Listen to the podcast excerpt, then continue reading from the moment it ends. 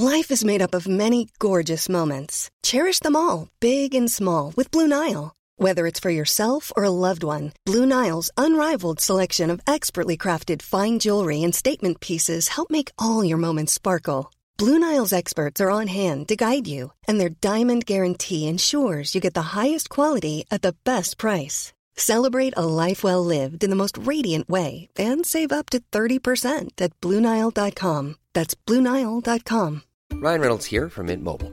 With the price of just about everything going up during inflation, we thought we'd bring our prices down. So to help us, we brought in a reverse auctioneer, which is apparently a thing. Mint Mobile unlimited premium wireless. Have to get 30, 30, bit to get 30, bit to get 20, 20, 20, bit to get 20, 20, bit to get 15, 15, 15, 15 just 15 bucks a month. So, Give it a try at mintmobile.com slash switch. $45 upfront for three months plus taxes and fees. Promo rate for new customers for limited time. Unlimited more than 40 gigabytes per month. Slows. Full terms at mintmobile.com. Botox Cosmetic, out of botulinum toxin A, FDA approved for over 20 years. So, talk to your specialist to see if Botox Cosmetic is right for you. For full prescribing information, including boxed warning, visit BotoxCosmetic.com or call 877-351-0300. Remember to ask for Botox Cosmetic by name.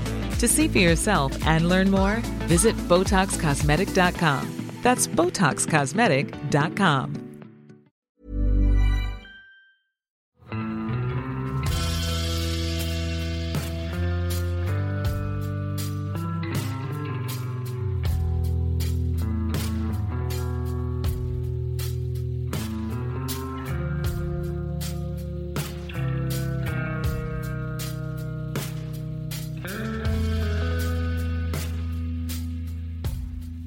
Hei, og velkommen til podkasten Uteliv. Mitt navn er Randulf Valle. Og i dag eh, tar jeg opp en episode som på mange vis markerer litt rekorder i denne podkasten her sin relativt korte livshistorie. For det første, det er første gang jeg har tre gjester. Vi får se hvordan vi klarer å strukturere det. Det skal fort eh, bli kjent med dem. Og I tillegg så er det kanskje det, både det mest eksotiske og avsidesliggende opptaksstedet så langt. Jeg sitter i ei eh, lita hytte på Jan Mayen. Sånn røftlig 500 km fra Grønland, litt lenger fra Island og 1000 km fra gamlelandet. Og med meg her i dag så har jeg tre personer som jobber på denne øya. Og jeg tenkte at uh, dere kan få presentere dere sjøl. Altså hva dere heter. Ja, gjerne hvor gamle dere er, og hvor dere kommer fra, og hva dere driver med her. Ja, hei. Det er Rune Leirvik og er stasjonssjef på Jan Mayen. Eh, normalt blir det kalt Høvdingen. Og 53 år, og da er så heldig å få lov til å lede et gjeng på totalt 18 personer på øya her. En fantastisk berikelse og i en fantastisk natur.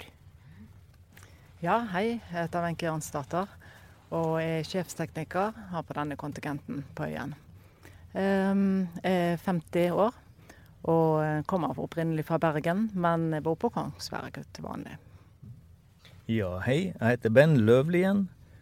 Jeg er opprinnelig fra Hammerfest, og jeg er 59 år. Jeg jobber som elektriker her. Og ja, det er fantastisk å få være blant de herlige menneskene som er her, og den utrolige naturen. Det er ikke helt tilfeldig at uh, vi har fått plukka ut uh, da, tre stykker som alle snakker om naturen på, på, øya her. For det skal vi jo komme litt inn på etter hvert. Men jeg tenkte kanskje vi kan ta samme runden baklengs nå. At Ben begynner å fortelle litt. Altså, for hvordan i all verden endte man opp med å begynne å jobbe på Jan Mayen? Nei, det hadde seg sånn at jeg søkte på jobb på Bjørnøya hos Meteorologiske og fikk tilsettinga og leste tilsettingsbrevet tre ganger før jeg så at det sto Jan Mayen. Og da tenkte jeg at nei, dit skal jo ikke jeg, for det er jo ikke isbjørn.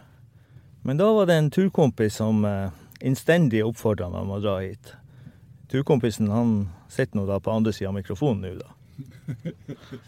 Det er jo en av de tinga som jeg liksom med glede kan ta på meg i hvert fall et delansvar for, da, at du havna her. Og... Ja, hvordan havnet nå jeg her? Um, jeg kom vel til en periode hvor jeg bare tenkte jeg hadde lyst til å prøve noe helt nytt.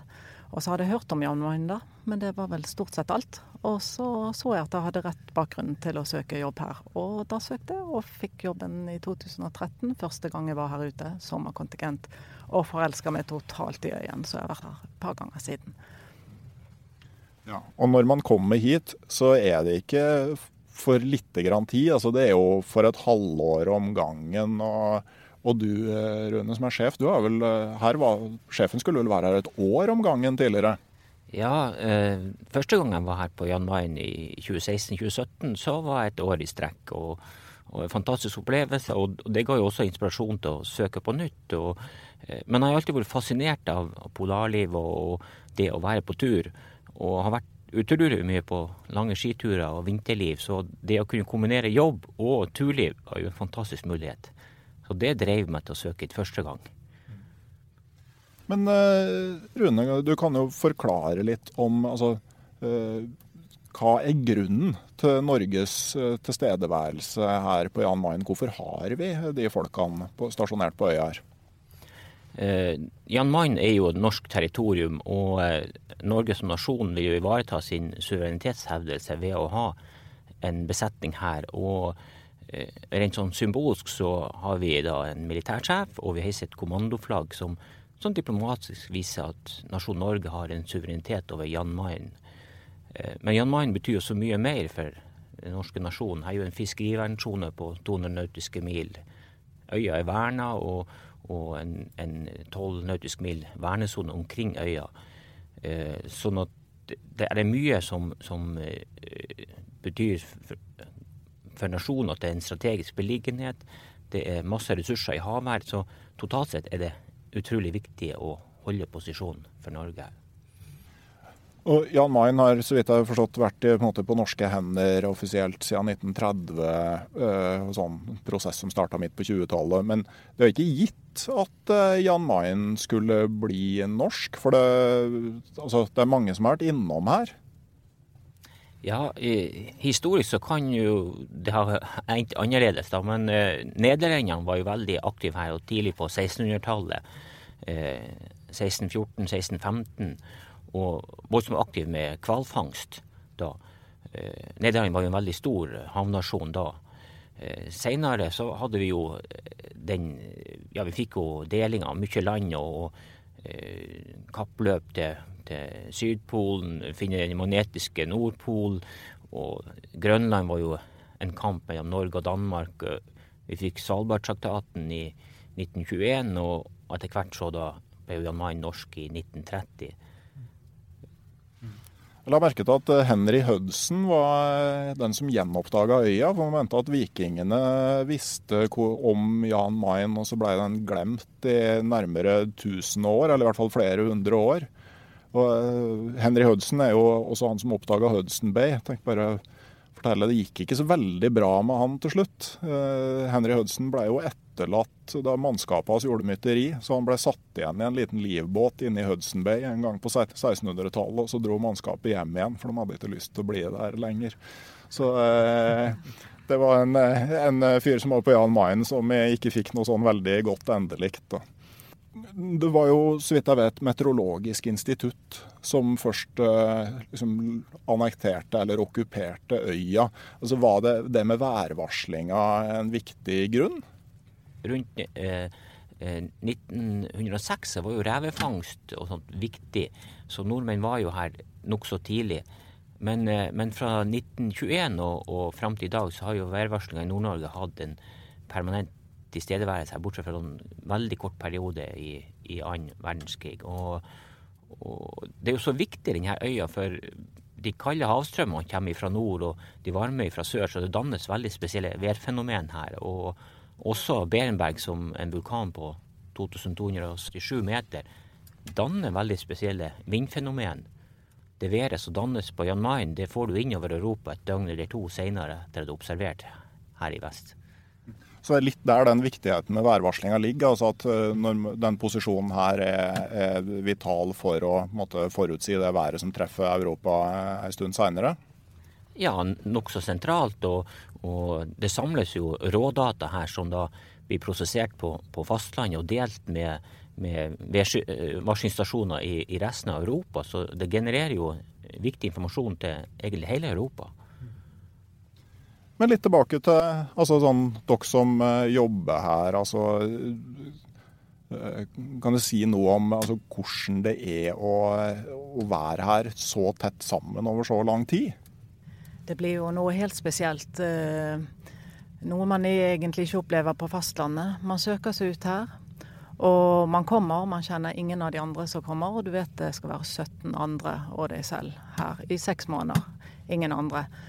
Og man blir um, glad i hverandre på godt og vondt. Uh, man må jobbe sammen. Man uh, sover i si, rom som er rett ved siden av hverandre. Man deler dusj og toalett. man har ingenting privat sånn sett. Og man spiser sammen, sitter på samme plass hver gang man spiser, samtaler med de samme menneskene.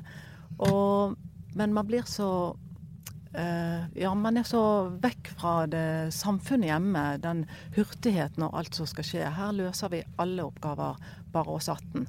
Og det, det føles veldig godt å jobbe her, og jobbe så tett, og at vi får til til og med store ting med kunnskapen til 18 forskjellige mennesker. Det er utrolig. Det som også er at hjemme så er vi jo blant masse, flere tusen mennesker gjerne der vi bor. Men her er det de 18. Og eh, vi, som hun sier, at vi spiser, vi ser på TV sammen med Hjemme så kan vi gå alene hjemme i stua og trø rundt i sokkelestene i, tru, i trusa, om så bare i i stua di. Men her så må vi være anstendig kledd hele tida. Og med hvert så finner vi ut at det her blir for tett. Da er det utrolig å pakke sekken og komme seg på hyttetur. Ja, for uh, det med friluftslivet her er jo uh, altså, for, for, hvor mange av dem som drar hit, er liksom naturen og friluftslivet en viktig faktor i utgangspunktet? Altså, uh, kan du si noe om det, Rønne? Vi har jo ikke noen direkte statistikk for det, men, men eh, når folk kommer hit, så, så, vil de jo oppdage en fantastisk natur. Og, og, det blir jo også de som har vært der før, de fremsnakker jo øya. Så det å oppleve noe sånn unikt, eh, voldsomme, skarpe fjell, eh, hav og, og, og, et kok rundt når det er stormer her, eh, midnattssol i ukevis om sommeren, så jeg tror nok for mange, uten å rette si det, så er det kanskje naturen som, som lokker. Men det er også en fantastisk hyggelig arbeidsplass, som de andre her sier, med å jobbe så tett sammen og dele så mye opplysninger. Vi kommer så tett på hverandre, og vi får jo kompiser og venner for resten av livet. Eh, du må ha vært her for å forstå det, egentlig. Ja. Eh, nå forstår jeg hvorfor eh, den vesle fangsthytta her er så liten. For nå er det da eh, ca. 13 minutter siden vi fyrte opp i ovnen, og nå begynner det å bli såpass varmt at jeg skal i hvert fall av med dunjakka før vi prater videre.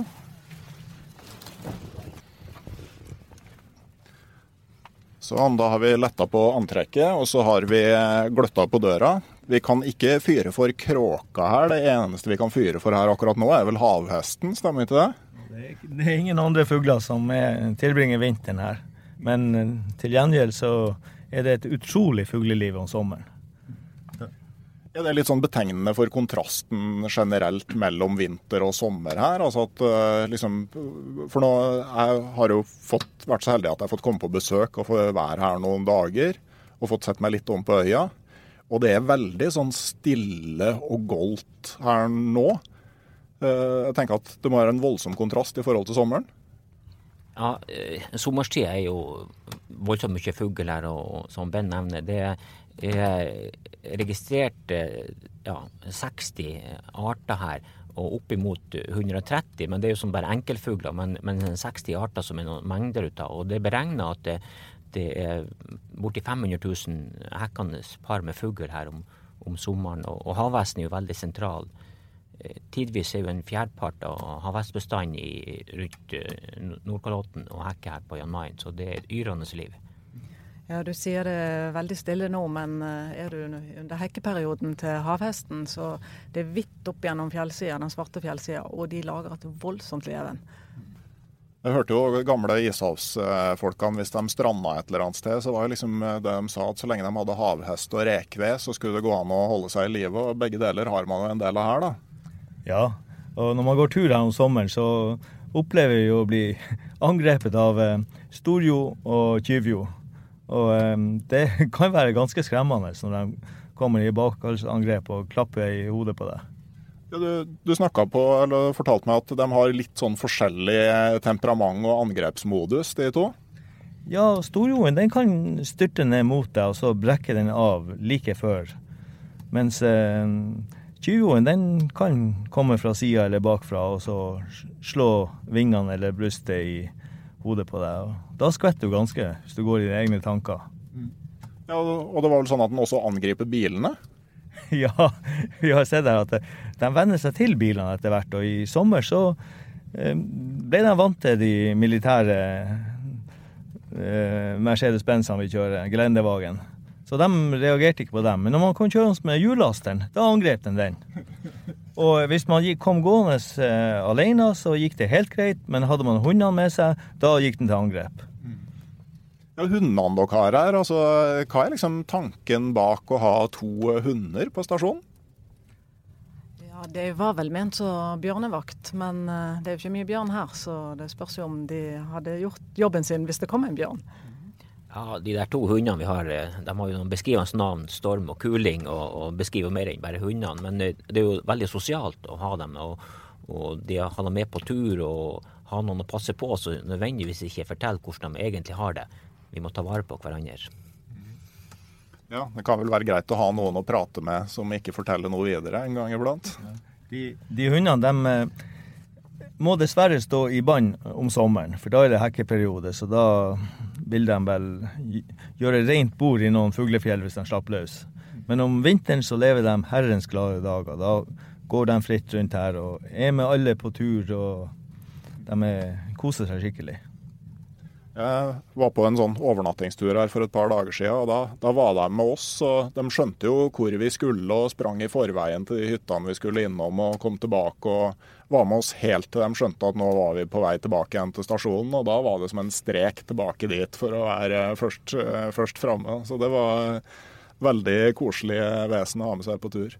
Ja, de Hundene vet jo å finne mat, men det gjør jo også besetninga her på basen. og Vi er jo så heldige å ha tre kokker som lager masse mat til oss. og vi vi har gode dager, og vi må litt besinne oss på hvor mye vi tør å spise og hvor mye vi bør spise. Men det er fantastisk god mat, og det er mye velferd i det også.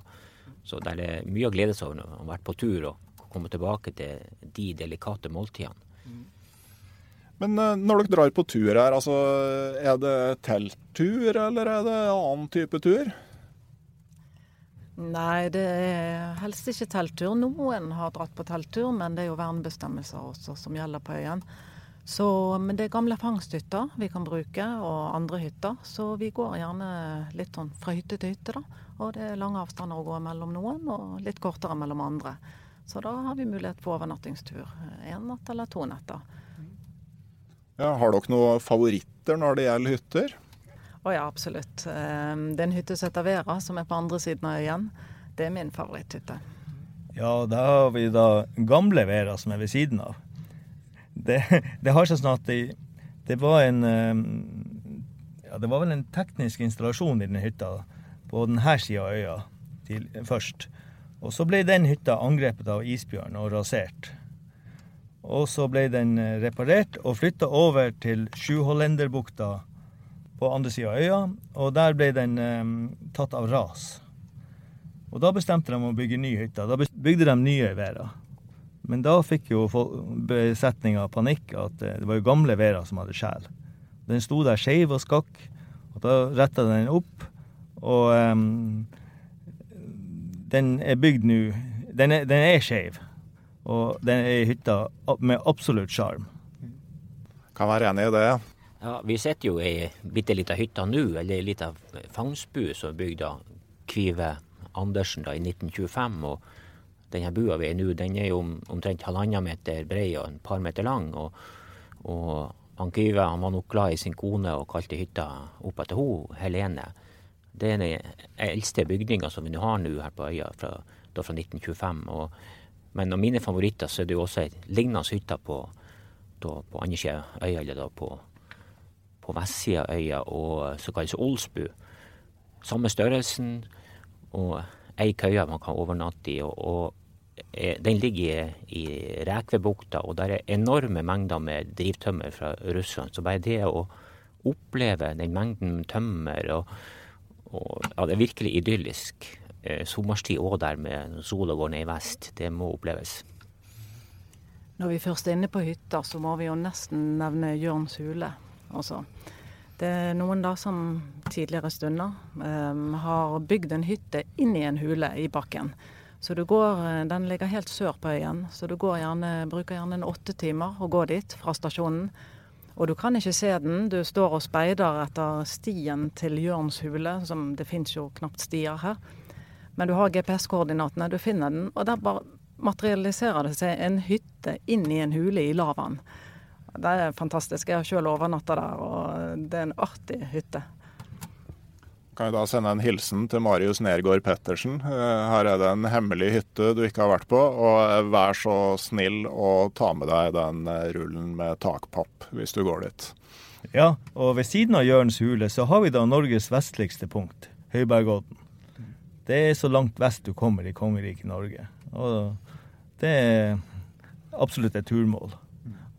Ja, for der er Svalbard er omfatta av Svalbardtraktaten og har litt sånn spesielle bestemmelser. Og en del av de her besittelsene våre langt syd på kloden er biland, som på en måte kan deles fra resten av Norge hvis det skulle trengs. Så er Jan Mayen helt og fullt og fullverdig en del av Norge på lik linje med hvilken som helst annen øy, ikke sant? Ja, det er riktig det. Det er, det er norsk suverenitet over Jan Mayen. og det er også derfor vi har en, en militær base her og en, en besetning her. da. Og, eh, men Jan Mayen er jo spesiell da den ligger på den midtatlantiske rygg og er vulkansk. Det er verdens nordligste aktive vulkan og, og Norges eneste aktive vulkan. Benberg, som er det høyeste vulkanen på øya, den er 2277 meter. Men hele øya er vulkansk, så det er kanskje 100 vulkankrater du kan se over hele øya. Så det er et veldig krevende terreng å gå i. og, og som Wenche nevnte her, det, det, tar noen timer å, å gå sørover på øya, og ikke minst gå til Berenberg, som er en perle. Har dere vært på Berenberg alle tre? Ja. ja. Hvem har lyst til å fortelle om hvordan det er å gå på Berenberg? Det, det kan være ganske hardt. Vi, jo, vi starter med det som heter, eller blir kalt for Norges lengste motbakke. Da starter du på 50 meter over havet og går opp til eh, Er det 1500-1600 meter? Da kommer vi til en plass som kalles for Nunatakken. Og der har man gjerne en pause før man binder seg inn i klatretau og må gå sikksakk mellom, mellom bresprekker for å komme opp til 2277 meter. Og det, det er en krevende tur, men det er absolutt verdt det. Eh, den gangen jeg var så heldig å få se toppen av Beringberg, da kom vi opp. Og eh, det var en slags tåke som kom ut av krateret. Det så nesten ut som røyk, men det var ikke det. Det var en rosa tåke. Det var midnattssol. Var, eh, det var tidlig på morgenen, fem om morgenen, og midnattssolen hang liksom lavt over der. Og rosa tåke ut av kraterkanten. Og vi sto på kraterkanten, og det er et merkelig sted å være, men fantastisk flott.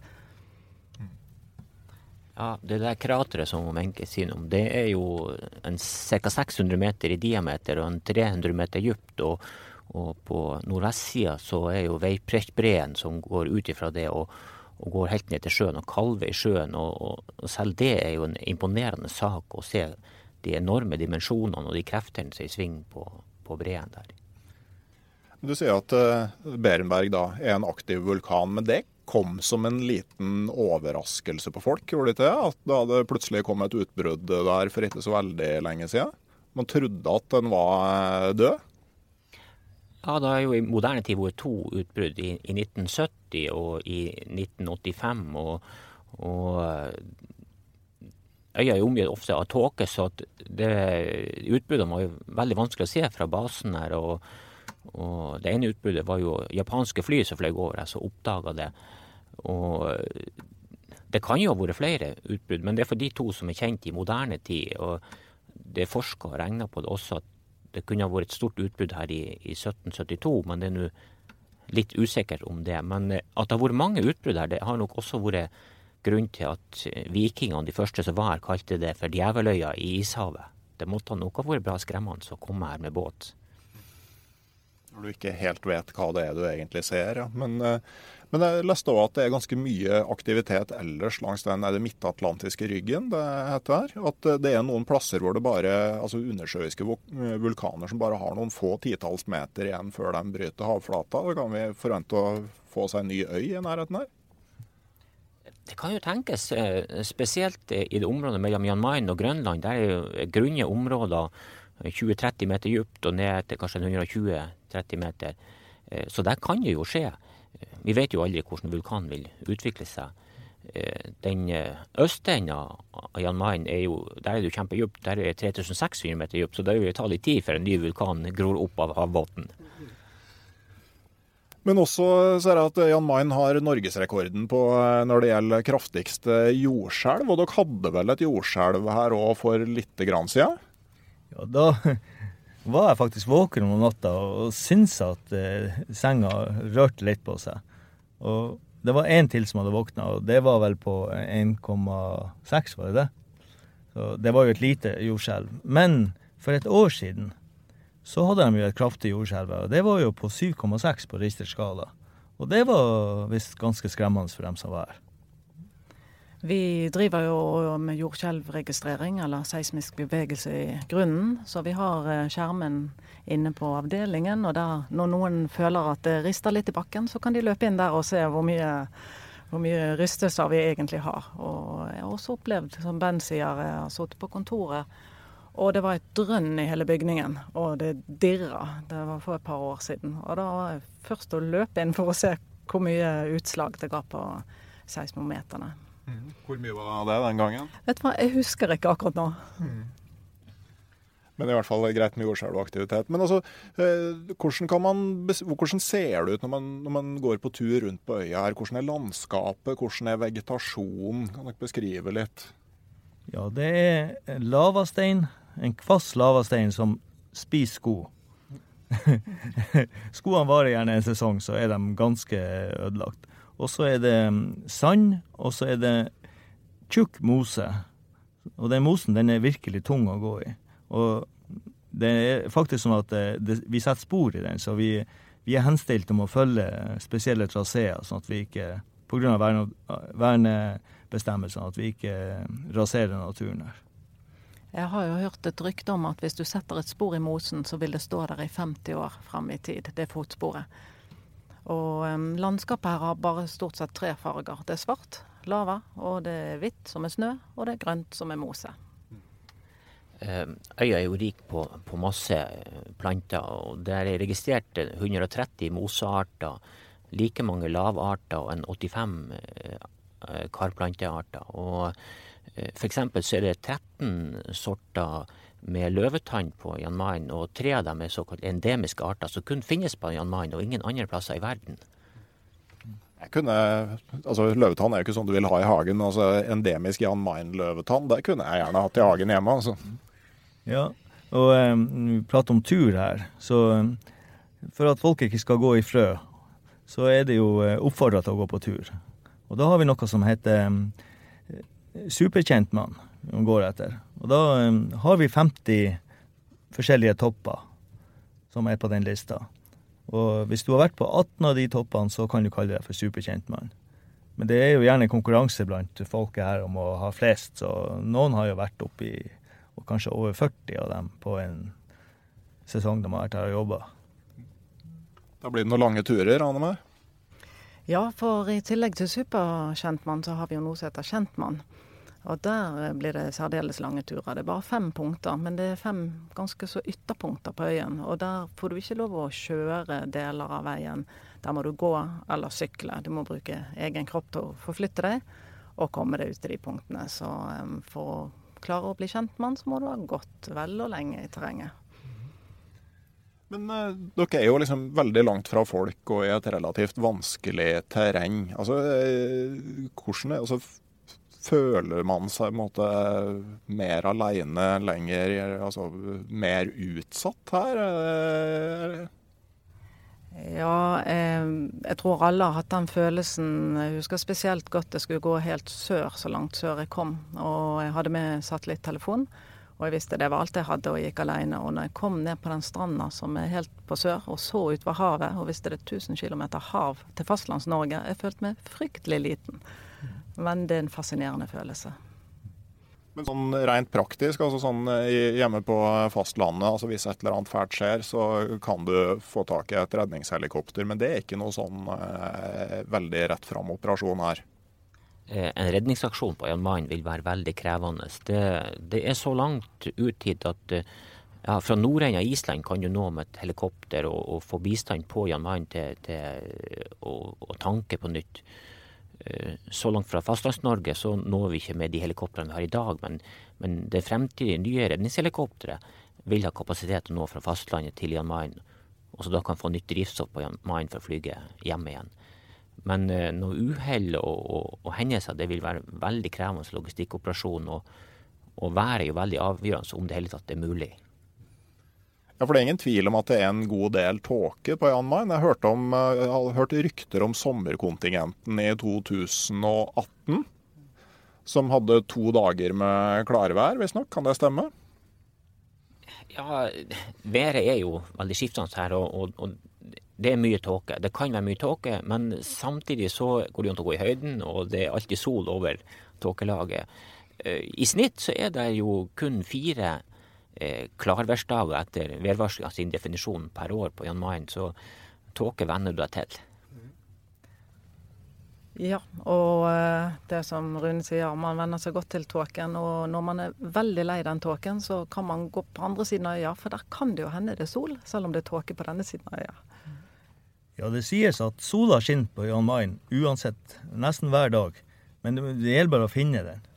Og i, eh, i sommer så hadde det vært tåke her i tre uker, og da jeg begynte å bli ganske lei. Så da pakka jeg sekken, og så gikk jeg over fjellet til andre sida til hytta. Og når jeg sto oppe på toppen, da var det som om tåka starta med fotene mine og rant som ei elv nedover mot stasjonen. Og bak ryggen min da, når jeg så, der var det sol. Så jeg hadde sol hele helga, og de hadde tåke hele helga på stasjonen. Føles uh, ut som riktig, eller føles som riktig beslutning å dra på tur da, ikke sant? Ja, det var perfekt. Sitte ute da og se på midnattssola, det var virkelig herlig. Men du drar en del aleine på tur her, Ben? Ja, jeg gjør gjerne det. det å finne roen og eh, egne tanker og kose meg, det eh, passer meg ypperlig. Det er jo fantastisk fint også nå om vinteren og, og selv om det kan skifte litt med været, så har vi jo nå i, i november opplevd et fantastisk nordlys. Eh, og det å ligge ute i naturen og kikke på himmelen og begynne å telle stjerner, så har man en kvalitetstid som bare må oppleves. Ja, Det er vel sagt det at liksom under stjernehimmelen så eh, forstår du at dine egne problemer kanskje ikke er så store likevel. Det. Men eh, nå har jeg vært på besøk her noen dager, og jeg tenker sånn eh, Det miljøet her, det, det minner meg veldig om sånne studentforeninger. En sånn egen, bitte liten eh, verden med sin helt egen sjargong, hvor alle ting har et navn, og enhver eh, ting som Altså, når to, noe har skjedd to ganger, så er det en tradisjon. Eh, har dere noen sånn kommentar på det? Altså, eller er det liksom en sånn uh, greie man gjør for å altså sånn At man, uh, man, rett og slett ikke får noe mer moro enn det man lager sjøl når man er 18 mann? Ja, det stemmer nok det. Og det er jo litt av ishavslivet. Og litt galgenhumor. Og finne egne navn på ting. Og vri på ting. Og finne Ja, det Finne litt skøy i hverdagen. Jeg kan jo fortelle om en gang da flyplassen ble bygd. Så kom vel det første flyet hit med noen prominente karer fra jeg tror det var Samferdselsdepartementet. Og da hadde guttene tatt også eh, kledd seg ut i fangedrakter med garnblåse og kjetting. og, og, når eh, de prominente ble kjørt fra flyplassen opp til stasjonen, så spurte de hva, hva det der var for noe. Nei, vi må jo sette dem i arbeid, de fangene dere har sendt til oss. Eh, det er jo så fint med Jan Mayen at det blir mange historier som blir fortalt, og det blir skapt historier. Og alle historiene er sanne, for det var jo sånn vi opplevde dem på Jan Mayen. Ja, og så, så, er det jo liksom noe med de historiene som blir gjenfortalt, og etter hvert så er det ingen som var med på det første gangen som uh, forteller det. og Det er vel kanskje sånn man etter hvert skaper legender òg? Vi må nok regne med det at uh, det er en del av, av virkeligheten at det, historien endrer seg med hver gang det blir fortalt. Men fortsatt er det den gode historien som lever videre. Men jeg tenker, altså nå eh, oppe på stasjonen, så det er jo på en måte tross alt altså et relativt eh, normalt liv sånn når det gjelder infrastruktur og hvordan man har det. altså har dere tenkt noe på liksom, de første, altså de som var her på meteorologiske stasjonen på 30-tallet? Altså, har dere tenkt noe på liksom, hvordan det var i forhold til hvordan dere har det? Ja, jeg har hørt om eh, han eh, legenden av eh, isbjørnfangeren, Rudi. Han var jo her en sesong. Og han hata Jan Mayen. Det var sand i sengklærne, det var sand i maten, det var sand overalt. Og, eh, og når man går på tur her Nå har vi GPS, og vi har Gore-Tex. Vi har hodelykter med LED-lys. De hadde vel noe vadmel. De hadde eh, ikke lys i det hele tatt. Og det kunne ligge en isbjørn bak hver stein. Så det var tøffe gutter, det. Men eh, når var det sist sett isbjørn her, og hvorfor er den ikke her lenger? Ja, 1990 så ble det skotta den siste isbjørnen på Jan Mayen. Og eh, tidligere så var det jo mye drivis omkring Jan Mayen. Og, og eh, Nansen skrev jo når han skulle over Grønland i 1888 at det var drivis 120 nautiske mil sør av Jan Mayen. Eh, kanskje en lille istid altså, påvirka da. Men eh, det er ikke drivis lenger rundt Jan Mayen. Og når basen var bygd i 58, så var det mye drivis her, og frem mot 1980. Men eh, om det er naturlige svingninger i global oppvarming, det er vanskelig å si. Men, men drivisen er borte fra Jan Mayen-området. Og uten drivis så blir det ikke noe isbjørn. Men uh, er dere glad for det, eller er det litt dumt at den ikke er? Nei, Jeg er absolutt glad for det, egentlig. Isbjørner er sikkert flotte, men jeg vil helst ikke ha en utenfor romvinduet mitt. Nei. Jeg tenkte på det òg i det vulkanlandskapet her, med så mye, så mange plasser å gjemme seg. Så, så må det ha vært litt sånn nervesliten å gå og kikke seg over skuldra hele tida? Ja, helt klart. Og, uh, de gikk jo på og fangst der etter eh, rev, for det meste. Og de gikk jo lange turer. Og de måtte jo være på vakt totalt hele tida. Det måtte ha vært et tøft liv. Men eh, vi kan jo også tenke oss til at selv om det var tøffe karer, og, og de, eh, både de som var på værvarslinga her fra 1921 og, og de revefangerne der, så, så fangsta de nok rev. Men den isbjørn han fanger jo primært sel. Og, og Vestisen var jo et område der eh, diverse selarter eh, kasta eller fikk, fikk ungene sine. Og det var jo fangsta 120 000 sel av isfangstskuter fra Norge. Så kanskje mye av isbjørn trakk til der selfangsten var, og der var hans naturlige matkilde. Så kanskje var det ikke så skummelt for disse tøffingene som var her på 1920-tallet allikevel. Vestisen, hvor blir det i forhold til Jan Mayen? Er det langt mot nord? Altså Det er jo innover mot Grønland, liksom, men, men er det akkurat rundt her de fangsta sånn på 30-tallet f.eks.?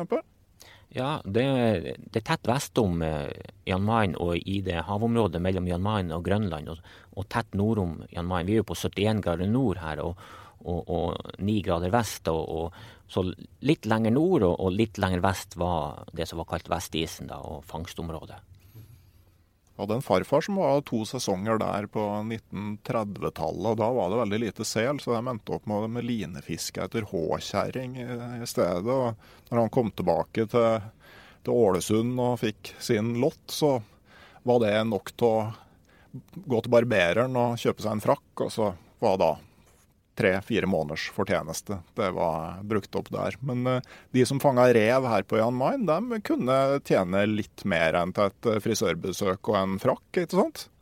Ja, det er eh, spesielt da på 1917-1918 var det jo en kjempefangst her. Og det var bare fire nordmenn som, som fangsta da. Og de fanga 242 eh, blårev og vel 40 hvitrev. Og de hadde i snitt eh, 27 500 kroner i inntekt, og det var jo en formue på den tida. Men det var jo ikke hvert år det var sånn, så det er jo mange i ettertid som de har nok hatt mer eventyrlyst enn de har hatt inntekt på, på turene sine. Ja, og det, og det, at det var en så stor andel av blårev, det er vel et sånn spesielt trekk for, eh, for revebestanden på Jan Mayen. Muligens en sånn evolusjonær tilpassing til eh, vulkan, eh, altså det mørke vulkanlandskapet? Ja, det, det, sies vel at um, på, um, på, Svalbard så er det 70% hvitrev, mens her så var det 70% blårev. Så det var nok en genetisk tilpasning her, ja. Men eh, reven den er borte i dag. sånn at eh, den revefangsten den eh, pågikk vel kanskje litt vel voldsomt litt vel lenge? Ja, de, de tok vekk knekken på bestanden. De siste de fanga jo rev, og fanga dem levende og hadde dem i bur. og de revene, det var jo noen skøyerfanter. Så de grov jo seg ut under buret og stakk av. Men eh, de fant jo ut etter en stund at det var jo ikke så bra å være ute, for der var jo ikke mat. Så de grov seg inn igjen. Så etter en stund så kunne de plutselig finne rev igjen tilbake i revegården. Ja, for da var det avlsdyr til, eh, til tamrevdrift eh, de var henta? Ja, jeg mener det.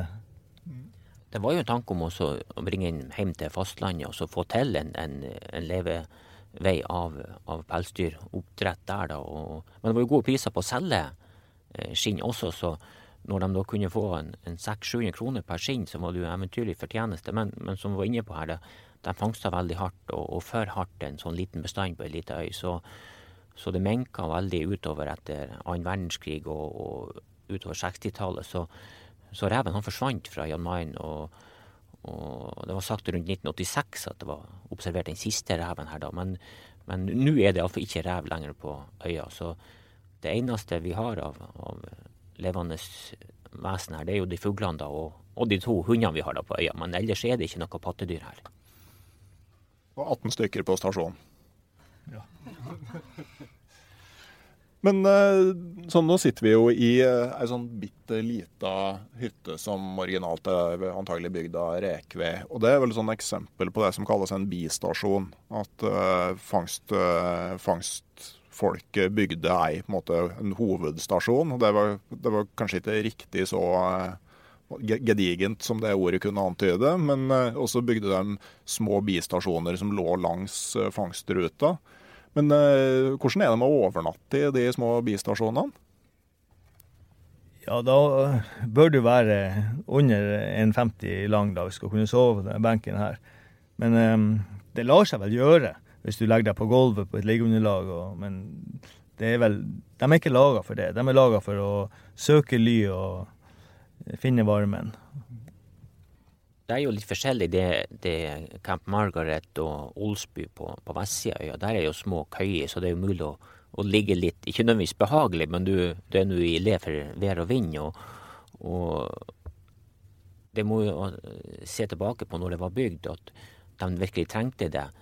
Det passet dårlig med bekledning, tøft vær. Så det å søke skjul var nok sikkert et himmelsk opplevelse for de, de fangerne. og og de hadde lang vei å gå til, til hovedstasjonen. Og var, hovedstasjonen var jo gjerne gamle bygninger fra de som har vært før. Så det var jo ikke noe luksusslott de bodde i. Det var tøffe karer. Ja, og så når du tenker på det som ei hytte, så blir den jo liten. Men jeg prøvde for å snu litt på tanken si at altså, det er jo et veldig stort og komfortabelt fjelltelt. En sånn eh, bistasjon, og du kan fyre i ovnen, og taket tar ikke fyr for det om du fyrer hardt. og eh, Kanskje det ikke drypper rim av taket om morgenen og sånn. Så at, eh, det har jo sine positive sider òg. Men eh, tenkte på Olsbu, som vi var innom. Eh, der var det jo et vedlager av en annen verden. Det må ha vært nære på at den hytta har blitt knust av eh, rekved? Ja, eh, rekveden den flytter seg hele tida. Og stormene de presser eh, veden inn mot, sjø, eh, mot fjellet og kan hente den ut igjen med en senere storm. Så det, men den ligger akkurat i, i kanten. Men hadde den ligget litt lenger mot fjellet, så kunne den blitt tatt av, av ras. Så den er nok, den er nok eh, plassert med omhu. Men eh, den er kanskje enda mer utsatt nå i moderne tid når drivisen har forsvunnet. For da, får du storbårer som bryter og løfter tømmeret enda lenger innover land.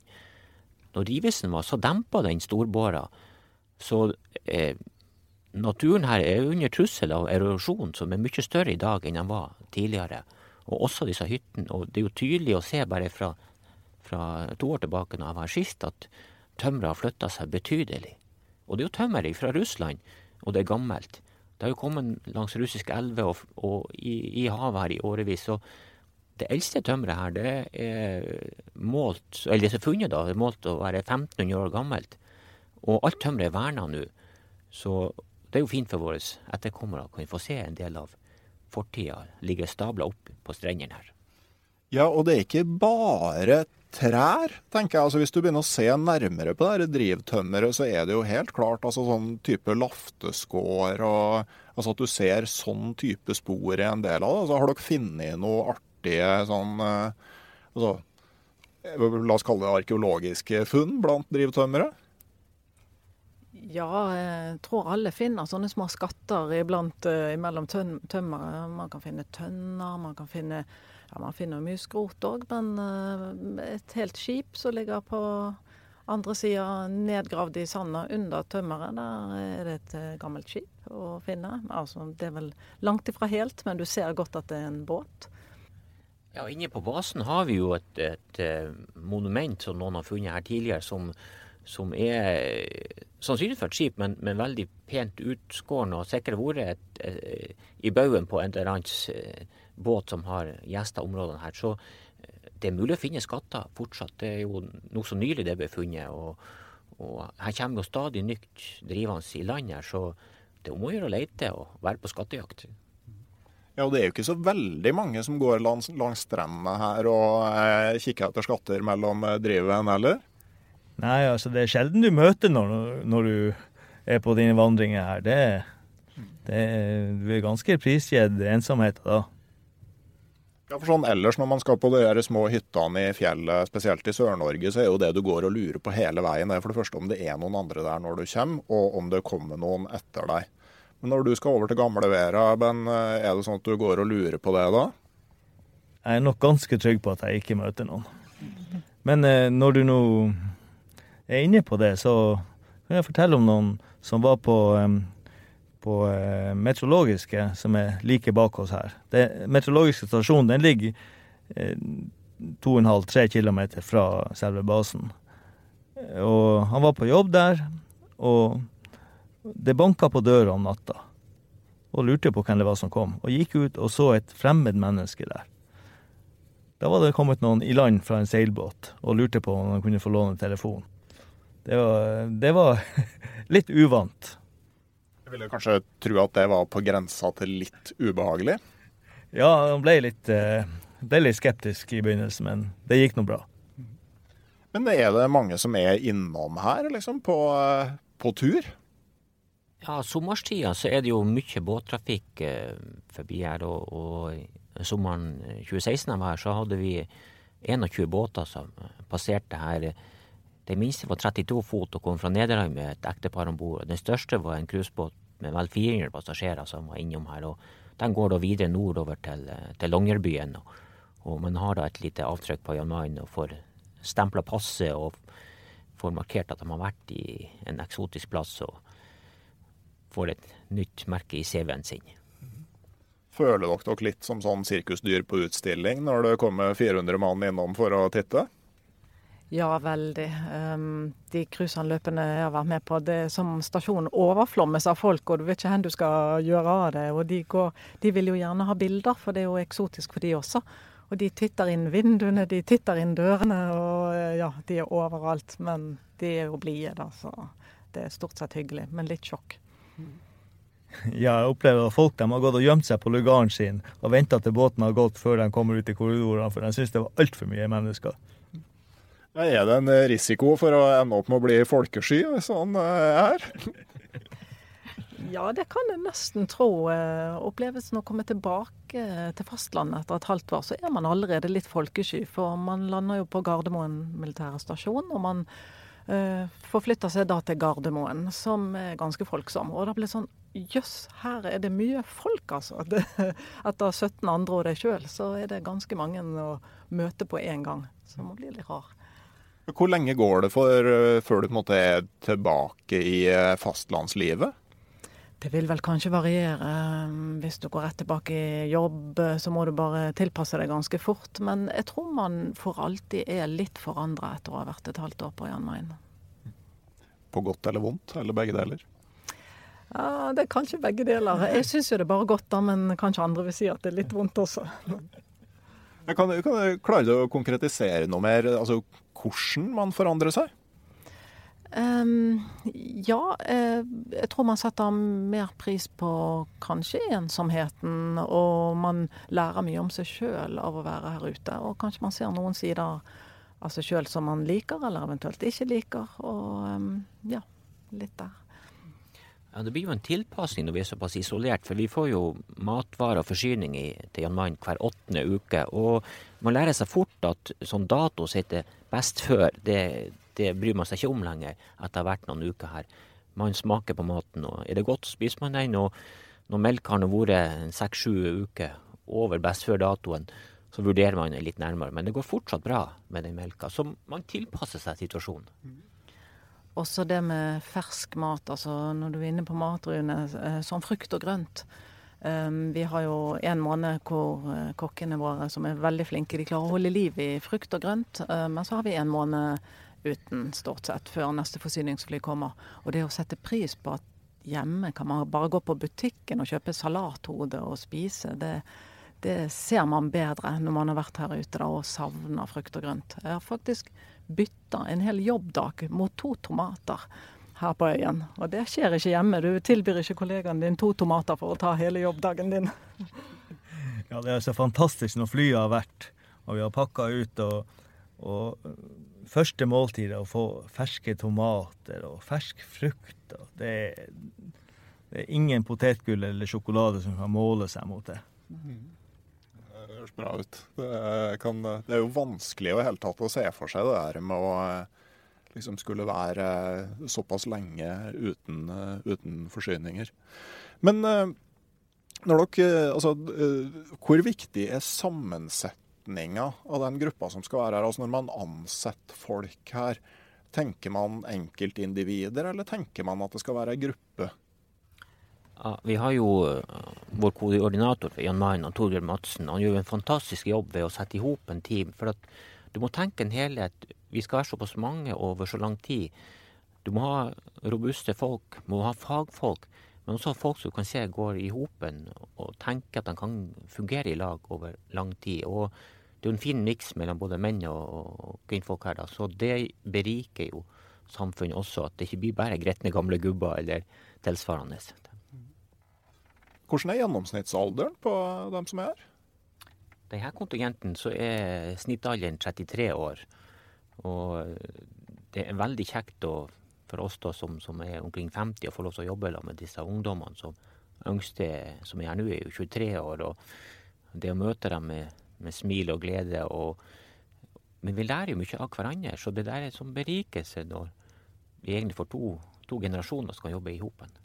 Og jeg tror eh, det første plasset jeg har sett at alder spiller veldig liten rolle. Når du kommer ut her, så, så blir det oss 18. Og man tenker ikke over at det er så stort aldersspenn, for man fungerer veldig bra sammen uansett.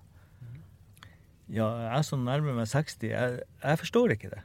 Når jeg sitter med dem som er tidlig i 20-årene og er, er like barnslig som dem og flirer av de samme tingene og gjør de samme dumhetene og Vi er kamerater. og det er virkelig trivelig.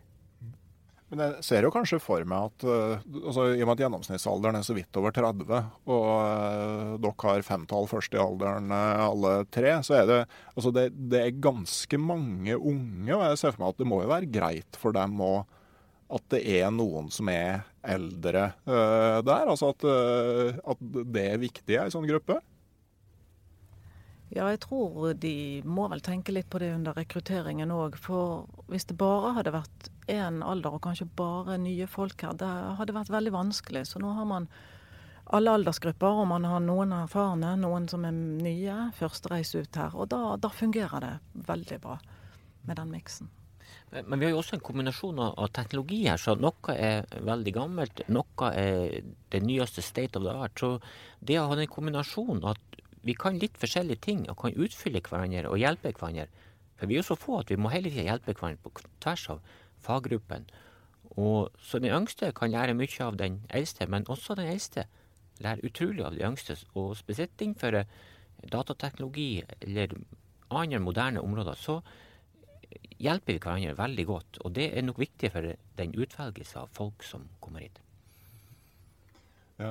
Jeg syns det var interessant dere sier om eh, altså, det at man lærer og eh, liksom, at man kan uh, ha det bra sammen selv om man ikke er på samme alder. For jeg har hatt en sånn tendens til å dra på, dratt på flere langturer med folk som har vært ganske mye eldre enn meg. og Ben er nå den ene, og noen som har vært ja, som har vært enda større aldersforskjell. og Jeg har sett på det som en sånn berikelse. og og det er kanskje litt sånn svakhet i, eh, i, samfunnet, det at man blir liksom veldig låst ofte sammen med folk på sin egen alder. Da. Så eh, det må jo være en fin ting her oppe. Ja, det er utrolig hyggelig å dra på tur med yngre folk. Og, men alle betyr ikke noe, så man, man finner en, noen som har samme tankesett og ideer og du, du, samme å prate om. og så drar man på tur i lag, om, uavhengig av hvilket eh, kjønn eller alder det er. Det, det er faktisk en god greie å sammenligne det med å dra på langtur. For man tenker vel sjelden når man er på langtur at den og den personen i gruppa er så og så mye yngre enn meg, eller så og så mye eldre, eller det er en dame eller det er en mann. Man er på tur i lag, og man telter sammen, og man går på ski sammen, og man trekker samme pulk og eh, litt sånne greier. Så det blir mer turen og opplevelsene som er i fokus, mer enn det der alderen og kjønnet. Du har jo kryssa Grønland på ski, og det, det er likhetstrekk mellom eh, grønlandskryssinger og, eh, og, et halvår på Jan Mayen? Ja, absolutt. Stor likhet. Man er en gruppe som ikke kjenner hverandre. Man har en oppgave, og man fullfører i lag som gruppe. Og det er det fine. Og som vi tidligere kom inn på, Eh, alder betyr lite, men man lærer av hverandre, og man, man, går som en gruppe. Og her jobber vi som en gruppe, og vi må utfylle hverandre. Uh, jeg er enig med Wenche, og det er klart i de lange ekspedisjonene man er på, så, så, lærer man mye av det. At man må være på tilbudssida, og det må man være på Jan Mayen også. Når man ser at kollegaene trenger hjelp, så må man tilby hjelp. Selv om det er et annet fag du ikke direkte kan noe om. Så folk blir nok prega av å ha vært på Jan Mayen, for de blir mer oppmerksomme på sin kollegas behov for støtte. Når vi er så få, så er det alltid ei hand for lite når vi skal gjøre noen ting. Og da kan også kokken hjelpe til å skru litt på en bil eller løfte på det tunge bildekket. Selv om han ikke er bilmekaniker, den kokken, men han kan hjelpe bilmekanikeren. Og så er det, som Rune sier, å være på tilbudssida. Selv om man kanskje ikke kan alt så godt, så tilbyr man seg å lære andre. Og jeg holdt et kurs her i en ferdighet jeg hadde, og så sa jeg kursavgiften var at jeg fikk et kurs i noe som jeg ikke kunne. Og da kom jeg faktisk borti en som kom og sa til meg jeg har et kurs for deg, jeg kan lære deg å spille munnharpe. Det, det, er ikke nødvendigvis en veldig god ferdighet på en lang telttur. Men uh, for altså, dere som jobber her, har lov, selv om det er naturreservat, så har dere lov å dra på tur i naturen på Jan Mayen. Men for noen av dem som kommer hit i en 32 fot seilbåt, så er det ikke bare å pakke sekken og dra på tur, ikke sant? Nei, der kommer jo en av oppgavene til da stasjonssjefen eller høvdingen inn, og, og som har en oppgave for uh, fylkesmannen i Nordland, som har en tilsyn med verneområdet her. Så um, vi som jobber på øya, vi kan gå ut i naturen og, og være rundt omkring nokså fritt. Men eh, andre som kommer til øya har, de kan søke til stasjonssjefen og være inntil 24 timer. Og kun to områder de får telte på da. Eh, I Båtvika på, på østsida og i Kvadrasbukta på vestsida av øya. Skal man være her utover det, så må man eh, da søke til politimesteren i Nordland for å kunne være inntil ei uke. Og, og utover vekka så må man søke til justis- og beredskapsdepartementet. Så det er veldig strengt regulert for å ta vare på naturen. Og det er jo den vi skal levere videre til våre etterkommere. Så det er nok et naturlig valg at vi skal være litt restriktive med hvordan vi forbruker ressursene her. Men hva er, liksom, altså, er det mange som får innvilga de søknadene f.eks. om et ukes opphold? Det, det, er egentlig veldig få som, som kommer her. Der er blant en gruppe som har vært fra Island, som har vært nokså jevnlig og hatt, hatt båt og kunne komme hit på sommeren. Uh, og viser at de er dyktige og, og behersker å seile over havet og, og, være her i naturen. Men, men, det er så krevende natur at det er nokså få som søker hit. og uh, Så det regulerer seg sjøl. Så beste, altså Hvis du virkelig vil på tur på Jan Mayen, så er det de to beste mulighetene er enten å få jobb her, eller å sørge for at noen du kjenner får jobb her. For at uh, altså, familie kan komme på besøk når det er mulig.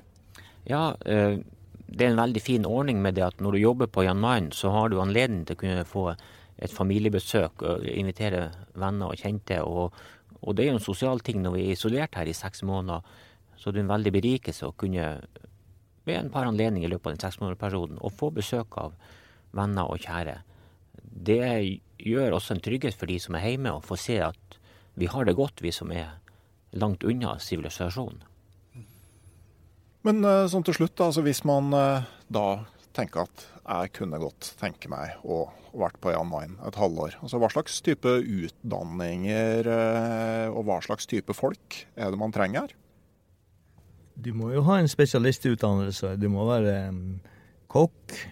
Du kan være spesialsykepleier, elektriker, maskinist, bilmekaniker, elek Elektroingeniør. Elektronikk. Ja, Vi trenger også de som kan betjene anleggsmaskiner, for vi må jo vedlikeholde den lille flystyper vi har. Så de som er gode å kjøre veihøvel, gravemaskin, hjullaster, lastebil, har også mulighet å søke her. og men, men, det er altså faggrupper vi trenger, og en kombinasjon av, av, dyktige folk og robuste folk som tåler å være her. Også i vinternatt, men også i sommernatt. Ja, det er ikke bare de faglige kvalifikasjonene som teller når du kommer ut her. Det vil jo være alt det andre du har med deg som person, og du må virkelig ville være her. Også. Ja, det er viktig at du byr på deg sjøl og spiller på lag. Og sørger for at eh, kompisen har det bra. Og så gjør det ikke noe om du er glad i tur og friluftsliv, eller? Absolutt ikke. Det er vel det som trekker mange oss ut her. Men vi har jo også mange andre muligheter. Også, så vi har jo en bitte, bitte liten idrettshall, og, og, her er jo noen som, som, virkelig trekker med seg andre. Så vi har jo hatt denne sesongen Tabata-trening som Wenche er sentral for. Og men også innebandy tidligere var en fantastisk opplevelse. Det, det, var jo ingen som ville gå glipp av disse aktivitetene. Men vi kan trene på mange andre vis også, så det er bra forhold her. Ja, og Man kan jo også tilby et bad i sjøen i ny og ne.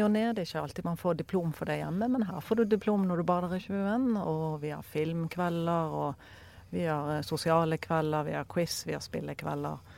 Mye bra. Jeg syns det hørtes risky ut med innebandy så langt fra nærmeste sykehus. Ja, men eh, det er ganske I hvert fall i begynnelsen så er det den Tabata-treninga, den, den, gjorde vondt. Spesielt for oss som har gått opp i 50-årene. Vi Rune og jeg vi sleit litt etter de første treningene, det må vi være innrømme. Det var vanskelig å gå i trappa da. Det er det greit å kunne rømme til ei lita hytte på andre sida av øya når det blir for mye. Ja, Hvis man klarer å gå dit, da. Ja. Men da tror jeg egentlig jeg skal si takk til Runa, Wenche og Ben. Eh, da begynner Den er såpass gissende den bua her at nå har veden eh, stort sett brent ut. Og eh, temperaturen kjenner jeg på vei ned igjen, så vi må ta et vanskelig valg om vi skal fyre mer eller trekke tilbake til stasjonen. Og for dere som da fikk sansen for Jan Mayen, så gjelder det da bare å følge med når de neste utlysningene kommer, og når neste muligheten til et halvår i ishavet dukker opp. Sånn helt til slutt, vel hjemme på fastlandet, så tenkte jeg å komme med litt ekstra informasjon. Podkasten Uteliv har et kommersielt samarbeid med Camp Villmark, Norges største villmarksmesse, som går av stabelen på Norges varemesse på Lillestrøm fra 27. til 29. mars. Jeg kan nå røpe at det blir live podkast fra podkasten Uteliv der. Alle tre dagene på messa med tre forskjellige spennende gjester Kommer nærmere tilbake til tidspunkt og eh, tema når det nærmer seg litt mer. Jeg vil òg informere om at eh, heretter så går podkasten Uteliv over til hovedsakelig å publisere nye episoder hver 14. dag, annenhver uke. Det handler litt om å eh, få tid til å gjøre skikkelig arbeid med episodene. Eh, og det har òg litt å gjøre med at jeg har planer om å bygge litt mer innhold og tjenester rundt episodene. Og trenger å få tid til å jobbe med det. Så som hovedregel to uker mellom hver gang, sjøl om det enkelte ganger kommer til å komme episoder oftere. Avslutningsvis så vil jeg gjerne takke de som følger podkasten Uteliv på sosiale medier. Den finnes på både Instagram og Facebook. Og ikke minst en takk til de som aktivt deler informasjon om podkasten og episoder i sosiale medier eller ellers. Helt til slutt, en takk til dere som legger igjen rating og anmeldelser av eh, podkasten, f.eks. i Apple Podkast. Det betyr veldig mye. Tusen hjertelig takk, og så ses vi igjen om to uker. Ha det bra.